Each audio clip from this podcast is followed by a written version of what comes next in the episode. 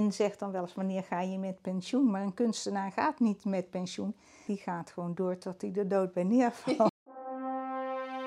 Welkom bij de podcast Het Atelier van, waarin ik ateliers bezoek van kunstenaars, vormgevers, architecten, goudsmeden en fotografen. Of terugga naar het atelier van de herinnering. Mijn naam is Hester Wandel. Ik ben kunsthistorica en museologe. En ik ben geboren in een atelier. Ateliers zijn de rode draad in mijn leven, door mijn werk in musea, maar ook het kunstenaarschap van mijn moeder. Ga je mee naar het atelier van Mirjam Boelaars. Vandaag ga ik op bezoek in het atelier van vormgeefster Mirjam Boelaars. Ik ken Mirjam al sinds 1998, toen ik na mijn stage en afstudeerscriptie bij het Amsterdamse Historisch Museum een baan kreeg als projectassistent bij de tentoonstelling Beroep Huisvrouw. 100 jaar huisvrouwenleven in de grote stad. Ik werd gevraagd of ik het project wilde begeleiden vanuit het museum. Ik moest samenwerken met Mirjam als vormgeester en Clara Brinkgeven, haar schoonzus, als onderzoeker. Het werd een hele leuke samenwerking, waarvan ik ongelooflijk veel heb geleerd. Het waren mijn eerste stappen in de museumwereld en ik werd ondergedompeld in de wereld van tentoonstellingen maken. Van Mirjam leerde ik hoe je objectlijsten in Excel maakt en tentoonstellingsmappen aanlegt. Ik regelde bruiklenen, zocht dingen uit en hielp inrichten. Vaak kwam ik in het atelier, of de studio zoals Mirjam het zelf noemt, aan de Herengracht. En keek ik mee hoe zij maquettes maakte van de expositie en op de computer de vormgeving deed. Na deze tentoonstelling kwam ik via via terecht bij het Zaans Museum. Dat moest nog worden geopend. En daar zette ik mijn opgedane kennis in. Toen ik daar later kwam werken en tentoonstelling mocht maken, huurden we Mirjam in als vormgever. We maakten tentoonstellingen over verpakkingen, goed verpakt, en over migratie, zaankanters bestaan niet. Vooral de periode waarin de tentoonstelling werd ingericht vond ik heel leuk. De reuring op zaal, alles komt bij elkaar wat je hebt bedacht, en de samenwerking met verschillende mensen, zoals bouwers, schilders, bruikleengevers, plakkers van teksten en noem maar op. En daarna het feest van de opening. We gingen ieder ons weegs. En in de loop van de tijd zagen we elkaar soms op een opening en sinds een aantal jaar op Facebook. Maar ik was nog niet terug in het atelier, terwijl ik het zo'n fijne plek vond waar vele mooie dingen zijn ontstaan. Dus vandaag is het zover. Ik ga eens horen wat Mirjam in de tussentijd heeft gedaan, hoe belangrijk haar atelier is, hoe ze de toekomst van haar oeuvre ziet. Maar wat me is opgevallen in het vooronderzoek, Mirjam is vormgever, ze geeft velen een podium, maar zelf heeft ze geen website. Bovendien heeft ze ook kostuums en boeken ontworpen. Genoeg te bespreken dus. Ga je mee? Nou, leuk dat ik hier mag zijn. Ja, het is wel veranderd hè, sinds jij hier de laatste keer was. Ja, want dat is dus twintig jaar geleden alweer. En ehm, toen heb ik heel veel van je geleerd ook. Want jij kwam met objectlijsten aan. En, Oh ja, eh, ja, de schemata. en ik zat in het Amsterdams Historisch Museum, eh, had ik een bureautje en dan kwamen jullie steeds langs. En eh, dan kwam ik met mijn Excel-lijsten en dat heb ik allemaal van jou Ja, geleerd. ja, ja, ja. En eh, we legden mappen in- aan. Per hoofdstuk indelen van wat ga je vertellen en welke voorwerpen Ja, horen daarbij. en Ja. welke maten en Ja, wat er nog aan de gedaan moest maten, worden. De maten. Ja, meten is weten. Ja, want ik moest de vitrines daarvoor maken of een sokkel of iets dergelijks. Ja. Dus moesten we altijd maten weten. Ja, precies. En, eh, en welke objecten er waren en waar ze vandaan moesten komen. Ja, En, aan- eh, dat moest je ook doen, aanvragen voor eh bruiklenen. ja, want ik ben toen nog bij eh, Energetica geweest. Ja, En, dat was ook zo'n leuk bedrijf. Ja, en daar hebben we was, wasmachines geleend Ja. en, broodroosters. en een oven. Want het ging dus over... Was dat ook niet die, die televisie? Het zogenaamde hondenhok? Een Ja, televisie met een schermpje. Een, computer is nu de heden ten dagen nog eh, vele malen groter dan het eerste televisieschermpje waar ja, heel hele, hele buurten naar Tante Hannie zaten te kijken. Ja. Jullie waren gevraagd door het Amsterdam Historisch Museum Ja. om een tentoonstelling te maken. En dat was ontzettend leuk, omdat dat, eh, het ging over eh, het, het beroep huisvrouw door de eeuwen heen. Dus eigenlijk vanaf het prille begin dat eh, in Amsterdam de, de voorname mensen personeel gingen aanvragen. En eh, arme mensen gingen eigenlijk voor die rijke mensen werken. Tot middenstand dat mensen en moesten werken voor hun kost of omdat ze een winkeltje hadden En daarnaast ook nog hun eigen huishouden. En dan hoe gaat dat dan in de 20ste eeuw? Dus ook steeds het verhaal van de mensen met, met de voorwerpen erbij die Ja. dat verhaal vertelden.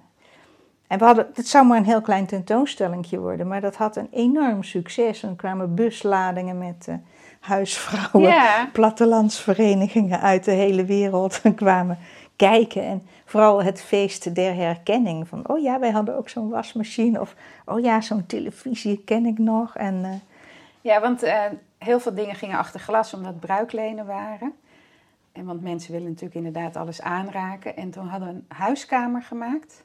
Mijn vader Ja. had de tafel uitgeleend. ja, En, toen hij en mensen gingen daar een Ja. boterhammetje uit een plastic zakje eten. ja. En eh, toen we de tafel terugkregen, toen zat er kauwgom onder geplakt. Zo huiselijk. Nou ja, dat doe je eigenlijk niet thuis. Maar eh, we zijn ook op de huishoudbeurs volgens mij reclame gaan maken toen. Maar wat ook leuk was, was de reclame aan de Ja, dat buitengevel. ik net Met de ja. wasrekjes, Ja. waar je officieel in Amsterdam moet je dus eh, toestemming vragen, want je mag geen was buiten, de, buiten het raam hangen aan de openbare weg. Dat is een regel in eh, algemene politieverordeningen of iets dergelijks. Dus, Terwijl de foto's van vroeger juist altijd met ja, ja. wasretjes waren. ja, maar dat vond men dan eh, op een gegeven moment slordig. Dus toen is er bepaald dat dat niet meer kon. Je mocht ook geen kle- kleedjes meer aan de straat kloppen. En je mocht geen was buiten uit je raam hangen. Dus wij moesten daar toestemming over. En ik geloof dat die brief er nog steeds is. Ja, want de hele gevel aan de Nieuwe Zuid-Voorburgwal zat dan, eh, hingen wasrekjes met witte... wasrekjes ja. met witte lappen. En, eh, ja. Ja, ja, mooi was dat. ja, dat was voor het museum toen ook wel eh, nieuw inderdaad. Ja, ja. En daarna kwam ik in het eh Saans Museum te werken. En toen heb ik jou gevraagd voor de verpakking Ja, tentoonstelling. ja, ja. En toen ben ik vooral hier in het atelier denk Ja, ik geweest. ja, ja. Een lastige was dat toen Ja. ook, want ik had toen een hele collectie van Marcel Verhaaf. Dat was een verpakkingsontwerper. En die hadden we helemaal in het depot gezet. En daarmee moest ik een tentoonstelling maken. Dus dat was keuzes maken en bedenken wat Ja. de thema's waren. ja, die thema's. Ja. En toen hadden we het over verpakkingen van de toekomst en moeilijke Ja, de verpakkingen. last pakken. Ja, ja, precies. Ik weet nog, daar had ik allemaal eh, ook scheve eh, vitrinetjes of hokjes voor gemaakt waar de lastpakken in Ja, kwamen. Moeilijk het, eh, open te maken of onduidelijk wat erin zit of waar gaat dit over. Ja, zoals een, de, de zak met melk. Ja, ja. Die had ik toen geleend van de, ik zeg altijd Melkboeren Hondenclub. Dat was in Rotterdam. Of bij Rotterdam zaten mannen die een hele melkverzameling hadden. En die hadden ook die, die plastic houder waar dan een Oh, ja. melkzak in ja, kon. ja, ja, ja. En dat was heel slim bedacht, want het was minder ehm, eh, verpakkingsmateriaal. Maar ja, onder de, die ehm, eh, rek met die melkzakken lag een grote plas water, want ze raakten heel vaak lek. ja, ja, ja. En daarna hebben we nog een tentoonstelling gemaakt over de ehm, migratie. ja. Ja, zaankanters bestaan niet. Ja, ja. was toen ook spannend Ook, om die titel ja, te gebruiken. Want wie was er nou echt Saans van origine? Nou, we Ja. hadden toen één vrijwilliger die zei... ja, maar ik ben echt... tot in de verste geschiedenis ben ik Saans. Dus nou ja, hij was de De uitzondering. enige die echt. Ja, en wat ik me herinner van jouw tentoonstelling... is dat ze heel kleurrijk zijn. Ja. En, eh, en die speciale verf, die matte verf die je De, ja, gebruikte. de, hoe heet het nou? Fresco light. Ja, die gebruik ik nog steeds. Het is een hele fijne verf.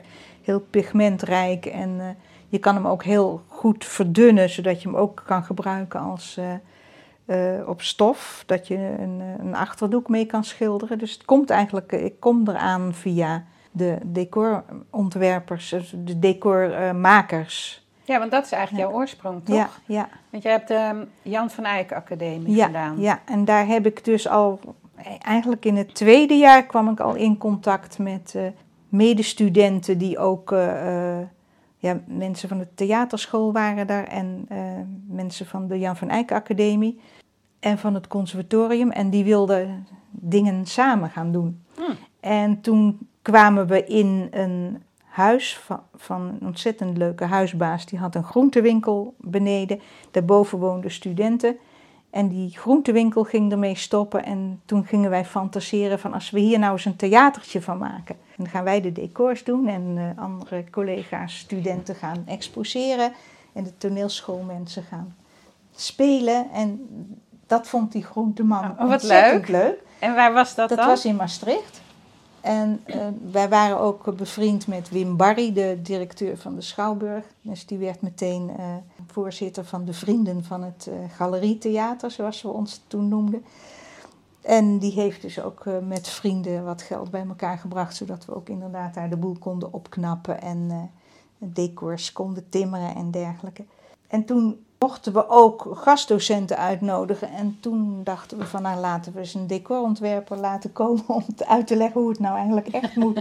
Want we, deden maar wat. En dat werd Nicolaas Wijnberg. En dat werd eigenlijk vrij snel meteen van laten we daar een soort parttime opleiding van maken. Dus Nico kwam dan vier keer per jaar en een maand. Dan werkten we aan, aan één toneelstuk alsof het was voor, voor het echt. Dus je kreeg te maken met een regisseur, je ging een decor ontwerpen, je ging kostuums ontwerpen. Er moest ook een affiche bij en een voordoek. Dat had Nico ook altijd. Er moest een voordoek bij. Dus uh, dat vond ik ook enorm leuk. Dus ik ben de tweede groep afgestudeerde bij Nico in, in Maastricht als uh, decorontwerper. Maar tussen die vier maanden doordat ik bij hem uh, aan de slag was, werd je dus geacht om met iets anders uh, je bezig te houden. Mensen waren aan het schilderen, beeldhouden of grafisch. En ik ben toen naar de modeacademie gegaan om dus te leren uh, een, een, patroon maken. Dus voor de kostuums, leren uh, de stoffen, maar ook tekenen. Want in die tijd alles was abstract en dat was het eerste wat Nico zei: van kan je wel een poppetje tekenen? Want het is wel nodig in dit vak. Ja. Ik kon niet zo goed poppetjes tekenen. nee. En op de Stadsacademie zat een vrouw en die heette Annelies. In ieder geval een hele goede docent illustreren. Die je leerde werken met allerlei materialen. Door elkaar heen en zo ook gemengde technieken en poppetjes tekenen. Mm.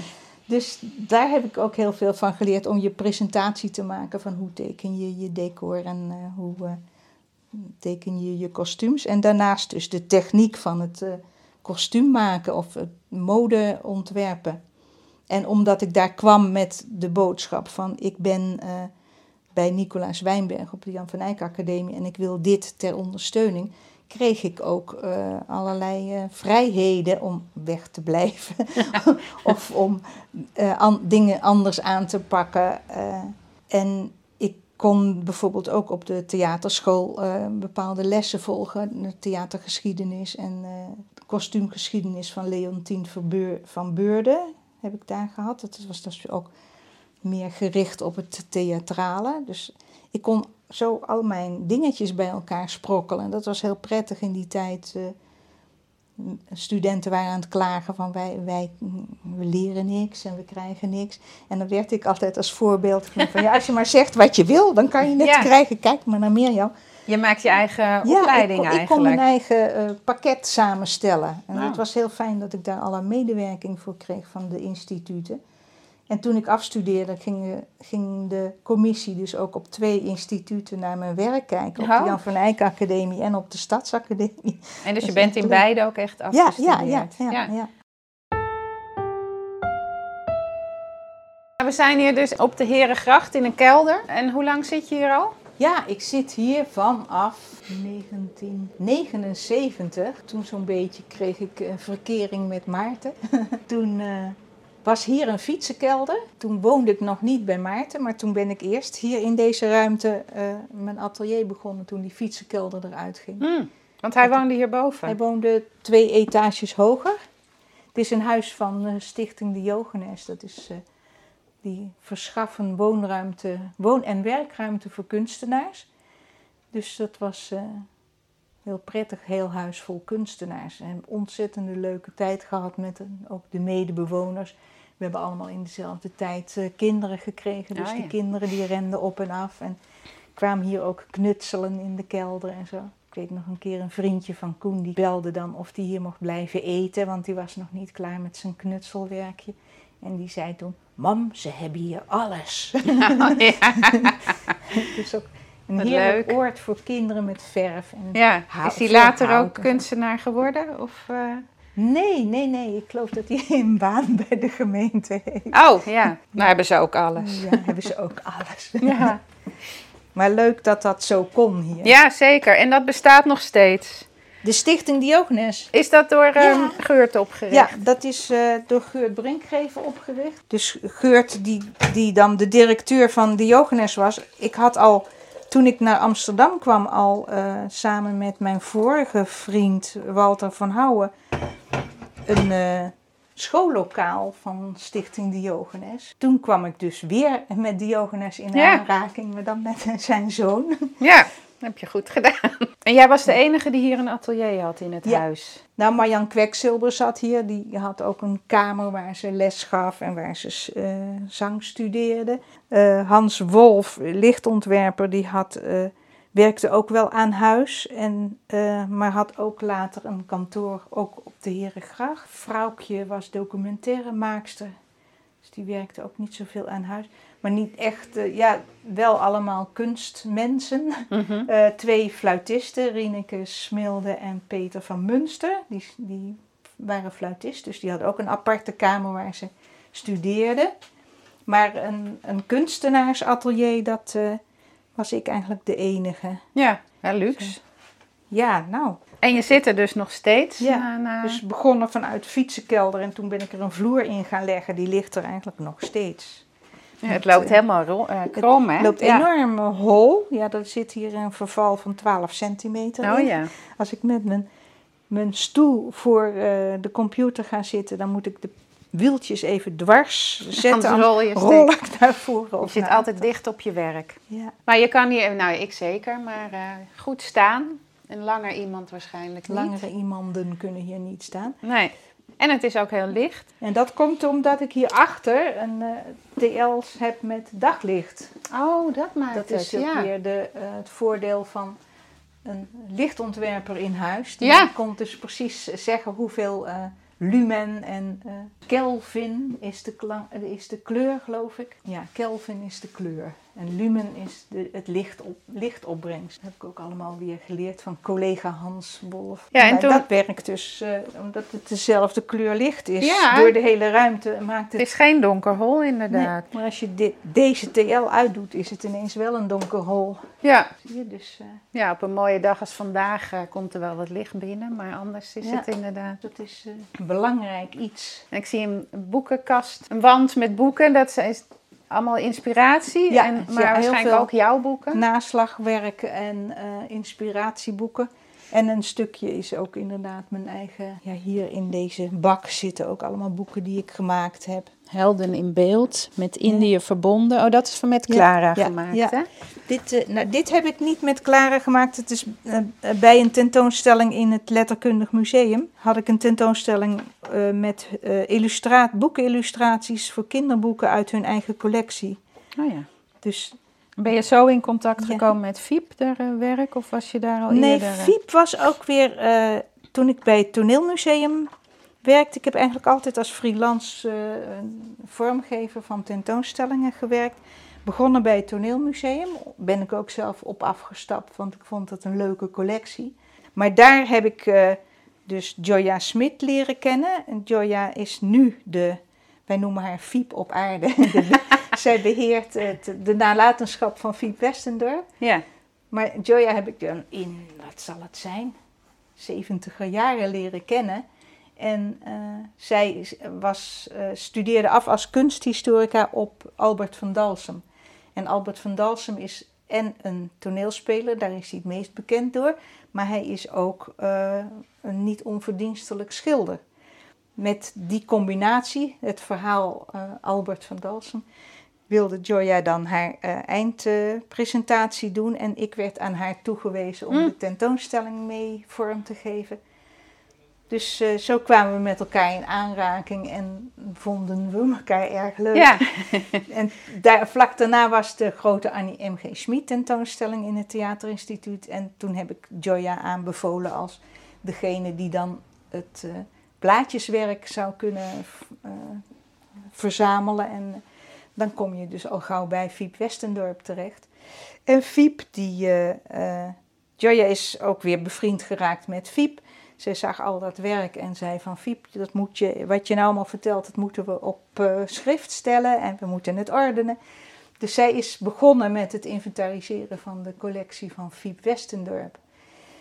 en toen heeft Fiep op een gegeven moment besloten van we moeten een stichting oprichten, want eh, ik heb geen kinderen en die stichting, het geld wat die stichting dan uh, opbrengt, dus de, de, rechten van haar, vooral de HEMA was dat toen, ja. van de boeken en dergelijke, dat moet gaan naar uh, kinderen die het wel kunnen gebruiken. Nou, dus dat was een hele rekbaar begrip. Ja. en, en Joya werd toen uh, degene die dat dan allemaal moest, maar moest gaan uitvoeren. Dat heeft ze dus met veel verven opgepakt samen met haar Han, Hans van der Voort, haar man. Hebben ze de Fiep Westendorp Foundation opgericht. Met daarnaast het bedrijf Fiep Amsterdam. En Fiep Amsterdam zorgt voor dingen die geld opbrengen. Ja, boeken en verkoop uh, van... tentoonstellingen en merchandising en van alles en nog wat. Dus op die manier ben ik ook weer bij FIEP, het werk van FIEP, betrokken geraakt. En hebben we ook een van de dingen voor kinderen die het wel kunnen gebruiken, was voor uh, blinde en slechtziende kinderen. Dit boek hebben we helemaal bedacht. Uh, Samen kijken naar Pim en Pom. Ja, dus dat, zijn, dat is een boek met aan de ene kant de voorleesverhalen, ook een instructie. Heb ik samen gedaan met uh, Doreen, Doreen in het veld. En zij is, uh, was bij uh, Bartimeus, Stichting Bartimeus, de deskundige op gebied van Braille. ja, onderwijs oh, ja. aan, aan blinde en slechtziende kinderen. Dus zij heeft ook uitgelegd van kijk, als je dan aan de ene kant het voorleesboek doet en aan de andere kant de plaatjes bij het voorleesverhaal, dan kunnen dan kan de voorlezer zit hier en het slechtziende kind zit daar.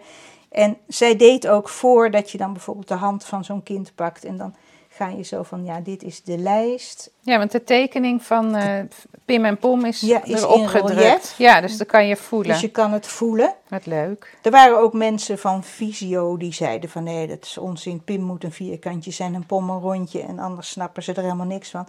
Nou. En deze vrouw zei, dat is helemaal niet waar. Je kan kinderen dus leren, uh, ook van driedimensionaal naar een plat vlak. Dus we hadden ook uh, Pim en Pom als knuffels. En die kregen die kinderen ook bij, bij dit boek. Kregen ze ah, een ja. Pim en een Pom als knuffel. Konden ze dus voelen dat ze ook anders eruit zagen als een echte kat. Met een lang nekkie en een hele grote kop en zo. Ja. En dat ze ook verschillend waren en in dan structuur van de huid. uitleggen wat een cartoon is. Een, een, een, een, een andere vorm van een, uh, van een bestaand iets. Dus dan kregen ze ook wel. Uh, ze zijn bij de aanbieding van het boek met Georgina Verbaan zijn ze naar uh, de poezenboot geweest. Oh, Hebben ja. ze dus eerst echte poezen gevoeld. Ja. En daarna kregen ze de knuffels en Oh, het boek leuk. en zo. Dus dat was ook een enorme leuke middag. Wat Maar leuk wat ik ook leerde van haar was dus, je moet al die vormen los van elkaar maken. Dus de originele plaatjes van Fiep, die, uh, waar eigenlijk helemaal niet aangekomen mocht worden, die mocht ik bij de gratie van Joya Ja, uit elkaar trekken. Want het originele plaatje, hier heb je Pim en Pom, die staan bij hun etensbakjes. En het originele plaatje ze- staat het bakje voor de pootjes. Oh, dus ja. ik heb die pootjes erbij getekend in de stijl van dat ik dacht, zo zou Fiep dat hebben getekend. Aha. Dus als je, eigenlijk zou je, even kijken, staan die hier erbij? Ja, hier. Oh ja, ja. Daar zie je ze. Hier zie je het plaatje zoals het was. En ook dit, het vrouwtje, de Met vrouw van, van, de, van Pim en Pom komt met een kipkluifje aan.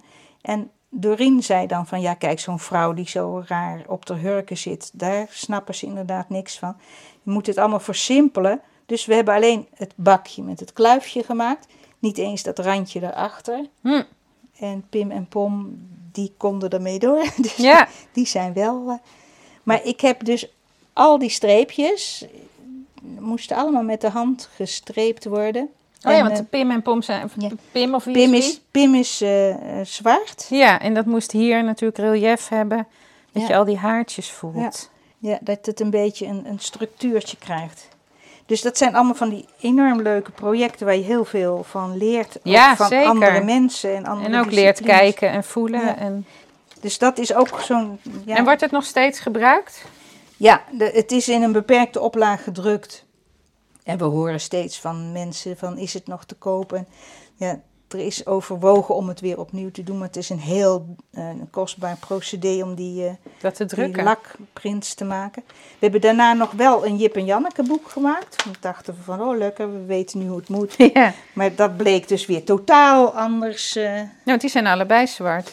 Ja, precies dat. En, Ja. en daar moesten we ook, da- daar blijkt dan dat Fiep ineens veel gecompliceerder aan het tekenen is.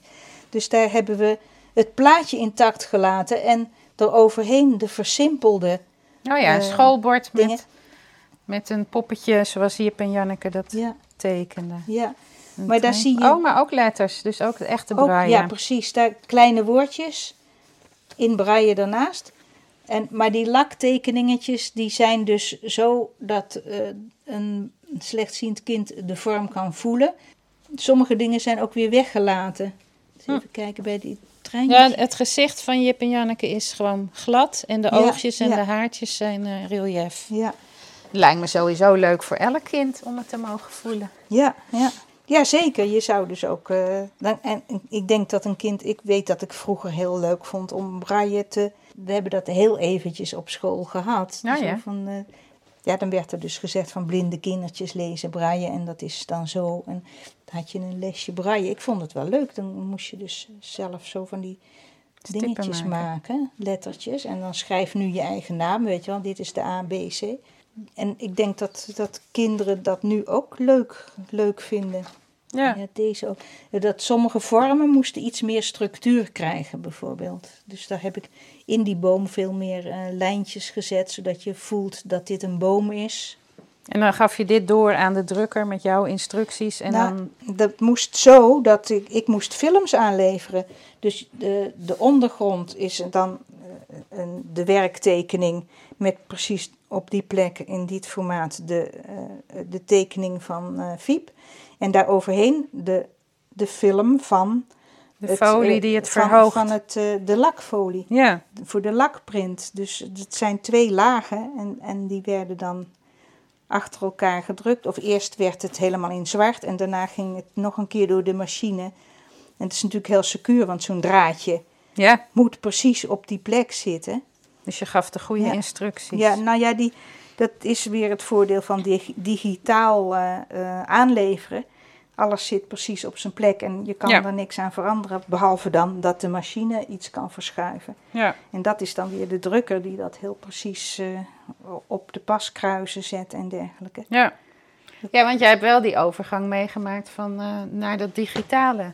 Ja, Want je, ik kan me herinneren dat je toen, toen ik hier ooit was, dat je ook een maquette had van de tentoonstelling Ja, die we ja. gingen maken. Heb je die eigenlijk ook nog bewaard? eh, ik heb, maquettes zijn allemaal eh, in elkaar gestampt. Ja, op een gegeven Het moment wordt het te groot ook Het was ook zo dat ja, voor de theaters sowieso maakten we altijd maquettes.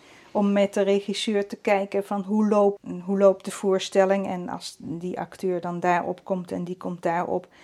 Staat er dan een voorwerp in de weg of zo, weet je Ja. Dat je, dus, je maakte eigenlijk ook een soort choreografie met, met de regisseur samen van het stuk. En daarvoor was een maquette heel handig. Ja, En dat heb ik later ook overgenomen bij de tentoonstellingen, omdat je dan ook kan zien van, ja, als mensen binnenkomen, wat zien ze dan? En daarna worden ze, lopen ze eerst tegen een wand op en daarachter is eh, de nieuwe verrassing. Dat kon je ook goed uitleggen met een maquette. ja, Want dat was heel vaak ehm, dat een conservator wel iets in zijn hoofd had. Maar dat was meer van je loopt dan zo rond en eh, staan er allemaal eh, vitrines of zo. Terwijl ik met mijn theaterachtergrond meer wilde van mensen in een bepaalde ruimte voeren. eh, en, en daar ja, Laten beleven. heb je dus het experience. maar dat deed jij al. Dat, deed, dat deed ik al. Oh, ja. Met theatereffecten mensen op een bepaalde, in een bepaalde sfeer brengen om, om, informatie over te, Ja. over Nou, te dat bleek aan die huiskamer waar iedereen gewoon lekker ging zitten Ja, terwijl het tentoonstelling was. Ja, ja, dat. En bij, ehm, bij de migratietentoonstelling hadden we een stukje woonoord nagebouwd, waar de Ja. Turkse gastarbeiders Ja, of arbeidsmigranten ehm, woonde op basis van Ja. een foto. En toen hadden we een halve kast en een half bed, maar een echte deken uit een woonoord. Ja, En ik weet nog bij de de opening. moskee weet ik ook nog. Ja. Dan hadden we een moskee met een gedeelte van het tapijt ervoor. En dat echte tapijt, de ja. foto. Ja. Maar ik weet ook nog dat er een eh, Turkse jongen kwam, die moest echt huilen van dat stukje woonoord. Omdat hij Oh, helemaal voor zich zag hoe zijn vader naar Nederland was gekomen met alleen zijn koffer. En hoe die daar dan woonde. Dus het, maakt, Ja, het ja, werkte ja, ook echt. dat was inderdaad een, een, een kast, stond er nog met één, één sneuwe koffer erbovenop. Ja. ja, weet ik nog. Ja. Maar die deken, dat was gewoon een, eigenlijk een slaapzak, maar die kwam ook echt uit het woonoord. Want daar Ja, had een ah. beheerder van het woonoord had dat bewaard. ja. Ja, en dat, ehm, dat stukje moskee ook. En de toenmalige ehm, imam had toen ook het, eh, de oproep tot het gebed ingezongen, Ja. gesproken. En die draaiden we daar toen ja, ook. Ja, ja. Ja, dan zie je wel echt jouw theaterachtergrond. ja. maar die maquettes vond ik inderdaad ook zo leuk. Ja, het is, kan natuurlijk allemaal nu ook 3D. Maar het is toch leuker als je is- er het is- poppenhuisachtig doorheen kan. Sowieso eh. heel goed dat je dus eh, met z'n allen rond zo'n ruimte kan staan. En dan kan zeggen van als we de, dit onderdeel daar neerzetten, wat gebeurt er dan? Ja. En dat is in een, een 3D tekening toch iets lastiger. Bovendien zit er dan iemand eh, met een muis eh, en dan kan niet iedereen in. Nee, in- precies. Op dat moment kon iedereen in die maquette en er allemaal dingen uithalen en verplaatsen en zo. En dat Ja. waren altijd hele creatieve processen. Het is wel een tijdrovend eh, iets Ja. om een maquette te maken. Dus dat werd al heel snel van ja, dat, daar hebben we geen geld voor. Nee, dat is waar. En dan deed ik soms toch nog wel een beetje een primitieve maquette, gewoon voor mezelf. Omdat ik weet hoe, hoe praktisch het werkt om met een maquette bezig te zijn. Ja. En eh, wat vond je nou eigenlijk het allerleukst van al die dingen? Boeken maken, tentoonstellingen maken, theater maken? Ja, het is al heel verschillend. Ja. Het is zo ontzettend verschillend. En het leukste vond ik eigenlijk iedere keer weer met heel nieuw materiaal in aanraking komen. Nieuwe verhalen, nieuwe eh, oplossingen vinden om dat verhaal over het voetlicht te krijgen. En dat kan in een boek zijn en dat kan in een tentoonstelling zijn of op het eh, toneel. Maar eigenlijk de, de theatrale benadering, dat is eigenlijk, eh, als, je, als je dat zo ziet, door, mij, door mijn oeuvre, de, ro- de rode draad. Ja, ja, precies. Beeldend eh, naar voren Ja. brengen.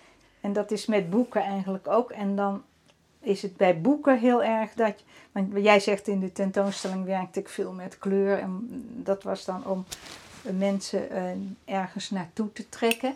En in boeken merk ik dat ik daar juist veel meer eh, de foto's eh, en het beeldend materiaal naar voren haal. En als vormgever meer op de achtergrond blijf om eh, alle, alle podium te geven aan eh, wat je wil vertellen. Wat mij opviel, dat jij geen eigen website hebt. Nee. En waarom is gewoon- dat? Want je doet het voor iedereen. is er gewoon niet voor geko- van gekomen. ik heb het te druk. Ja, nee, want eh, jij hebt ook voor eh, Leo Vrooman. eh, Ja, de, nu is er een nieuwe website door het Letterkundig Museum gemaakt. Oh, ja. Maar in eerste instantie heb ik voor Leo Vrooman op verzoek van de Vrooman Stichting ook een website gemaakt met al zijn tekenwerk erin en eigenlijk een soort cv van wat hij gedaan heeft. En, En voor Maarten Brinkgreef heb je ook, eh, beheer je ook de website. nou, die staat dus ook in de stijgers. Die moet ik nog vullen. Oh ja. Nee, want ehm, in, in deze podcast wil ik ook eh, aandacht besteden aan mijn oom, Wim Wandel, waar ook eigenlijk niks van online is. Een paar dingen. Hij heeft met Juriaan Schreuver een affiche gemaakt. Nou, dat staat onder zijn, Schreuver zijn naam bijna. En ik denk, ja, dat is eigenlijk zo zonde. Dat juist die mensen op de achtergrond misschien eh, niet die aandacht krijgen die ze verdienen. Dus, Ja, eh, ja, maar ja, ik ja. snap ook dat je voor jezelf een website maken niet eh hoogste prioriteit is. Maar je hebt natuurlijk zoveel gedaan dat het het wel de moeite waard is om het allemaal bij zou- elkaar te... Dat zou mooi zijn als dat allemaal. Op een gegeven moment. Ik denk van ja, straks ben ik toch helemaal uitgeraasd of zo. Dan heb ik misschien tijd om dingen op een rijtje te zetten. Maar ik ben dus inderdaad nu eerst nog bezig met dat archief van Maarten, die eh, architectuur en kunst heeft gefotografeerd.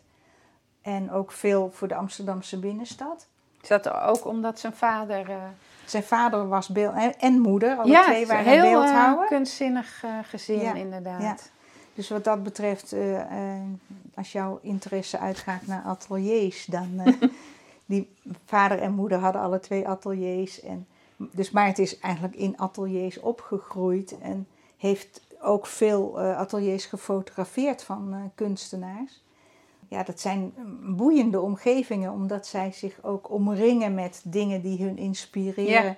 Vind ik zelf ook altijd leuk om in een atelier te komen van mensen. Ik heb van uh, Nicolaas Wijnberg ook een hele mooie foto gemaakt in zijn laatste atelier. Dat was in het Rosa Spierhuis. Oh ja. En uh, daar had hij dus ook allerlei dingen met briefjes erbij. En hij had een heel mooi handschrift. Maar het is echt, uh, ja, smullen. Ja, precies. Ja, ik heb ooit een documentaire gezien over het Rosa Spierhuis. En dat vond ik zo leuk. Ik denk, als je toch als kunstenaar daar terecht kan komen. Ja, Een hele mooie omgeving. Nou, misschien moet ik daar ook eens op ja, bezoek. Ja, precies. Ja, da daar zitten ook mensen die... Men zegt dan wel eens, wanneer ga je met pensioen? Maar een kunstenaar gaat niet met pensioen. Nee. Die gaat gewoon door tot hij de dood bij neervalt.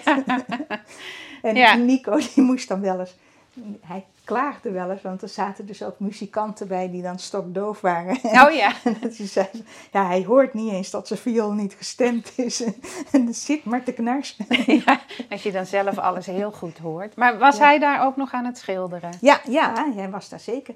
En hij kreeg ook last van zijn ogen en dat was heel naar, want uh, hij kon niet meer goed zien. En toen heb ik hem nog aan een bepaald pennetje geholpen waar je dan... Uh, dat had het effect van een rietpen. Maar daar kon je gewoon met een inktvulling oh, ja. kon je daarmee tekenen. En daar was hij erg dankbaar voor. Dus ik heb toen nog van hem een boekje, een schetsboekje met zelfportretten gekregen. Waar hij dan in geschreven had van, oh wat een heerlijk pennetje. Ja, wat leuk. ja, ja.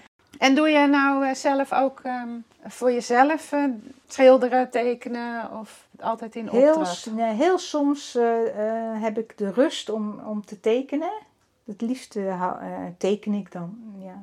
Dus ik ben niet zo van schilderen. En, uh, ja, eigenlijk ben ik veel meer vormgever in die zin van een tentoonstelling of een. Dus met mensen samen aan een bepaald project werken.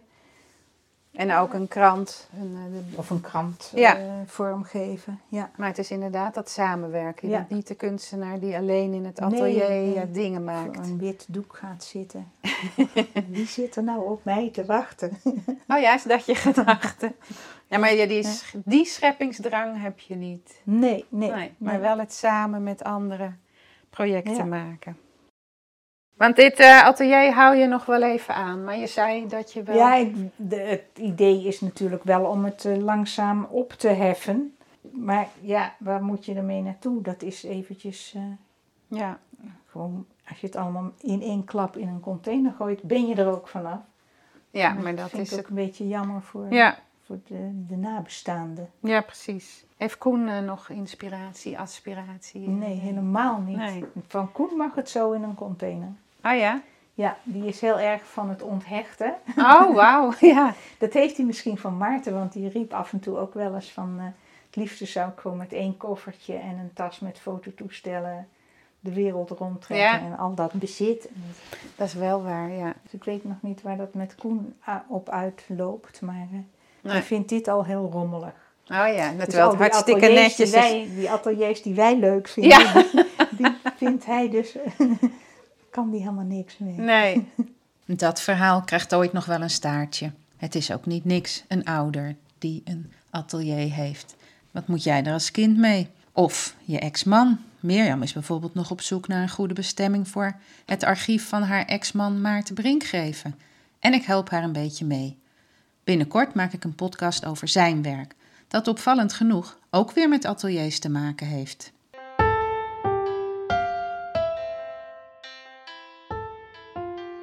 Dat was weer een fijn bezoek in het atelier. Krijg je er ook zo'n zin van om zelf aan het werk te gaan? Of ben je nieuwsgierig naar hoe het er bij een ander uitziet? Luister dan naar de volgende podcast, waarin ik weer bij een heel andere kunstenaar op bezoek ga. Denk je nu, kom ook eens bij mij langs? Of je moet toch eens echt bij die en die gaan kijken? Laat het me dan weten in de comment van deze podcast of via de mail hetateliervan@gmail.com of volg me op Instagram via @hetateliervan. En vergeet je niet te abonneren op deze podcast, dan mis je nooit meer een uitzending. Tot de volgende keer.